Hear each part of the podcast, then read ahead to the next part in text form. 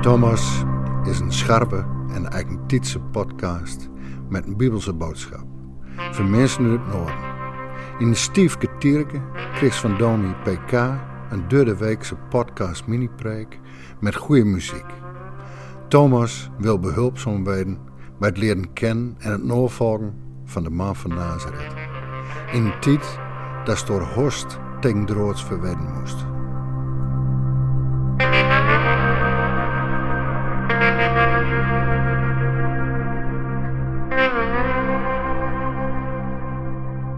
Ben jij ook al fan van slow TV? Slow TV, ofwel langzame televisie, is een genre van voorspelbare programma's zonder spanning waarin eigenlijk bijna niets gebeurt. Deze programma's winnen onder alle leeftijden steeds meer aan populariteit. Denk aan Bed and Breakfast, Droomhuis gezocht, Ik vertrek en We zijn er bijna. Langzame televisie heeft altijd een duidelijke opbouw, een vaste voice-over en het is rustig gemonteerd.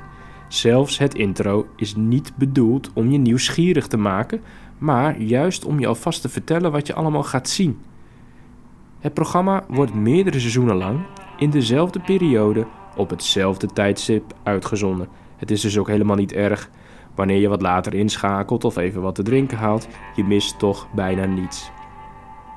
Kritische recensenten vinden het vaak oppervlakkig vermaak, maar sommige liefhebbers zien er juist ook meer in namelijk een portret van Nederland. Het lijkt alsof er niets gebeurt, maar onder de oppervlakte gebeurt er van alles en valt er van alles te zien. In deze podcast kijk je naar een bijbelse variant van langzame televisie. Je volgt een dag in het leven van de oude Zacharias en Elisabeth, twee gewone Israëlieten. Het lijkt alsof er bijna niets gebeurt, maar tegelijk valt er veel meer te zien, want via hen wordt duidelijk dat God zijn volk niet vergeet en hen klaarmaakt voor de Messias. Je zult in deze podcast merken dat het gebed daar een belangrijke rol bij speelt. Het thema van deze podcast bij Lucas 1 is: Vergeten gebeden bestaan niet.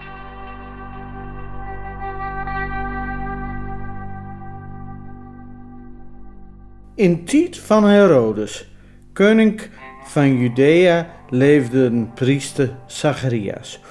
Oet afdalen van Abia.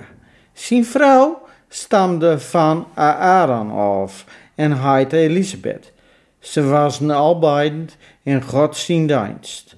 Ze hielden sok aan alle geboden en voorschriften van de Heer, zonder mekaar. Ze hadden geen kinder, om reden Elisabeth was onvruchtbaar en ze waren al op jorden. Dou Zacharias als priester dienst deed voor God, om reden zijn afdalen was aan de beurt, dou val het voor dat er door priesterlijk gebruik door het lut aanwezen werd om touw God zijn tempel in te gaan en het reuk over of, te, op te dragen. Al het volk stond boeten te beden dat tijd was voor het reukoffer. Daar verscheen hem een engel van de Heer. Hij stond aan de rechterkant van het altaar. Zacharias was huildol verbalderd. Daar hem zag en werd er keil van. Maar engel zei tegen hem, wees maar nooit bang. Zacharias, om reden, jong gebed is verheurd. I zelden bij jong vrouw Elisabeth een zoon hebben en I zelden hem Johannes namen. I zelden door hen blied weten en een heile bult zelden wies wezen met zijn geboorte. Hij zal ja groot wezen in Gods dienst. Wien en drank zullen hij drinken, maar hij zal vol heilige geest uh, weten, al van zijn geboorte af aan. Een heile bult van Israëls kinder zal er weer ombrengen. Touw de Heer, hun God. Hij zal voor hem uitlopen in geest en kracht van Elia, om harten van ouders touw kinder weer om te brengen en ongehoorzaam touw rechtsopenheid om voor de Heer een volk te bereiden dat voor hem klaar staat. Maar Zacharias, zei tegen Engel, waar kan ik dat nou van aan weten? Ik ben ja oud en mijn vrouw is ook niet zo jong meer. Daar zei Engel tegen hem, ik ben Gabriel en sto in Gods dienst. Ik ben uitstuurd om jou aan te spreken en jou deze goede tijden te brengen. Luister, I zelden zwiegen en uitpraten ken aan de dag touw dat dit alles gebeurt. Om reden, I hebben mijn woorden nooit geleufd. Dat je op het tijd toch vervuld worden zelden. Het volk stond op Zacharias te wachten en verwonderde zich erover dat er zo lang geen tempel uit huil. Dat we naar boeten touw kwam, kon er geen woord tegen zeggen. Ze begrepen dat er in de tempel een verschijning zijn haar. Hij gaf haar een wenk en bleef stom. De dogen van zijn dijs voorbij wassen, gingen weer naar hoestouw. Nou, de tijd ruikt zijn vrouw Elisabeth in verwachten. Ze huilzak vijf maanden beziet.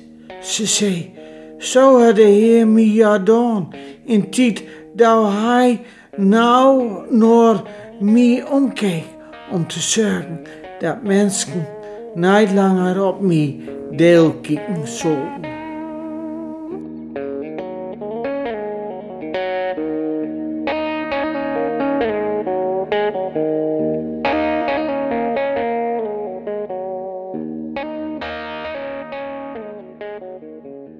Je volgt een werkdag in het leven van priester Zacharias.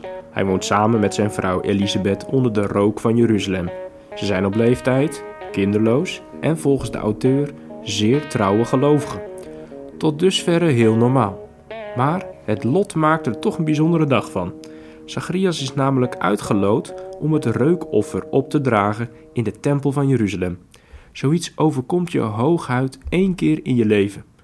Maar er staan Zacharias nog meer verrassingen te wachten. Want terwijl hij het offer brengt, staat er ineens een engel naast het altaar. Zacharias heeft al heel wat meegemaakt in zijn leven, maar hier schrikt hij behoorlijk van. Wat moet hij nu? De engel stelt hem gerust en vertelt hem het goede nieuws. Hij en Elisabeth krijgen een zoon, Johannes. En, heel bijzonder, hij zal vanaf het begin altijd vol zijn van de geest. Maar er is nog meer. Hij zal niet alleen zijn ouders trots maken, maar vele mensen gereed maken voor de Heer en groot zijn in de ogen van God. Zacharias, je had er vast niet meer op gerekend, maar vergeten gebeden bestaan niet.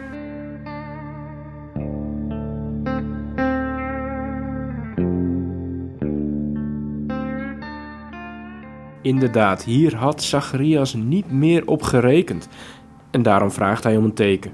Hij is dan wel een trouwe gelovige, maar in dit verhaal geen geloofsheld. Gabriel is van deze menselijke, begrijpelijke trekjes echter totaal niet gediend. Zijn laatste Bijbelse ontmoeting was met Daniel. Hier is eeuwen op gewacht. Hij is helemaal naar hier gestuurd. Hij is de engel die het einde der tijden mag aankondigen. En dan nu zo'n reactie?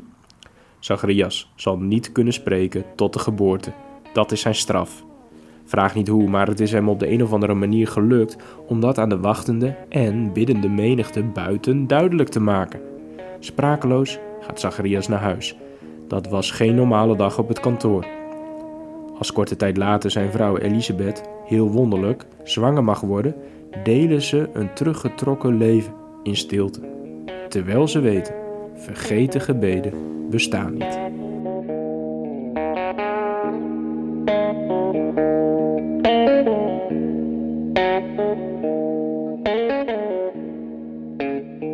Maar welke gebeden zijn er nu precies verhoord? De gebeden van Zacharias en Elisabeth? Dat lijkt niet echt waarschijnlijk. Ze hebben misschien wel gevraagd of God hen kinderen wilde geven, maar op die leeftijd vraag je om kracht om te dragen. En daarnaast laat Lucas aan het begin van het verhaal subtiel doorschemeren dat in Judea geen nakomeling van David op de troon zit, maar ene koning Herodes. Alles behalve een koning naar het hart van de Heer. Ook de binnende menigte buiten het heiligdom speelt een rol. En let eens op de nauwkeurige omschrijving van de plek waar de engel staat. Dat zegt alles. Die staan namelijk op een bijzondere plek, of beter, naast een bijzonder altaar, namelijk het reukofferaltaar. Het staat er heel specifiek en nauwkeurig bij. De rook van de offerkruiden op het altaar staat symbool voor de gebeden van het volk. En die gebeden gaan door het offer, door het dikke voorhangsel heen, naar het Allerheiligste. Daar komt de rook van de gebeden aan, maar daar verdwijnen ze niet in een groot zwart gat van vergetelheid. Dit verhaal maakt duidelijk dat wanneer de kooltjes gedoofd zijn en de geur van de wierook is verdwenen, God de gebeden van zijn volk onthoudt en koestert. Eeuwen aan gebeden stapelen zich op aan de voet van zijn troon, totdat hij zijn engel Gabriel stuurt. Vergeten gebeden bestaan niet.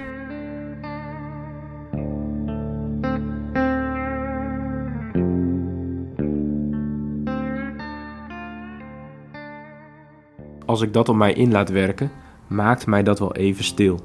En ik hoop jou ook. Waar jij en ik denken dat bidden niet of nauwelijks werkt, waar het gebedsleven je tussen de vingers doorglipt, waar jij en ik soms weinig hebben met standaard gebeden op vaste momenten, of het lukt je maar niet om er tijd voor te maken, daar blijkt hier dat God jouw gebed koestert, waardeert, bewaart, onthoudt en nooit meer vergeet. Geen schietgebed ontsnapt aan zijn aandacht. Als je dat beseft, laat je toch geen moment onbenut, zeg ik ook tegen mezelf. Vraag iedere dag weer of hij zich over jou en over zijn wereld wil ontfermen.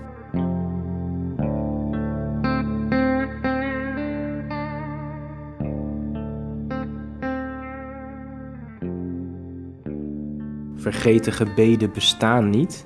Dat klinkt mooi. Maar hoe zit dat met mijn gebeden vandaag? Leuk dat die van Zacharias, Elisabeth en Israël verhoord zijn, maar wat heb ik daaraan?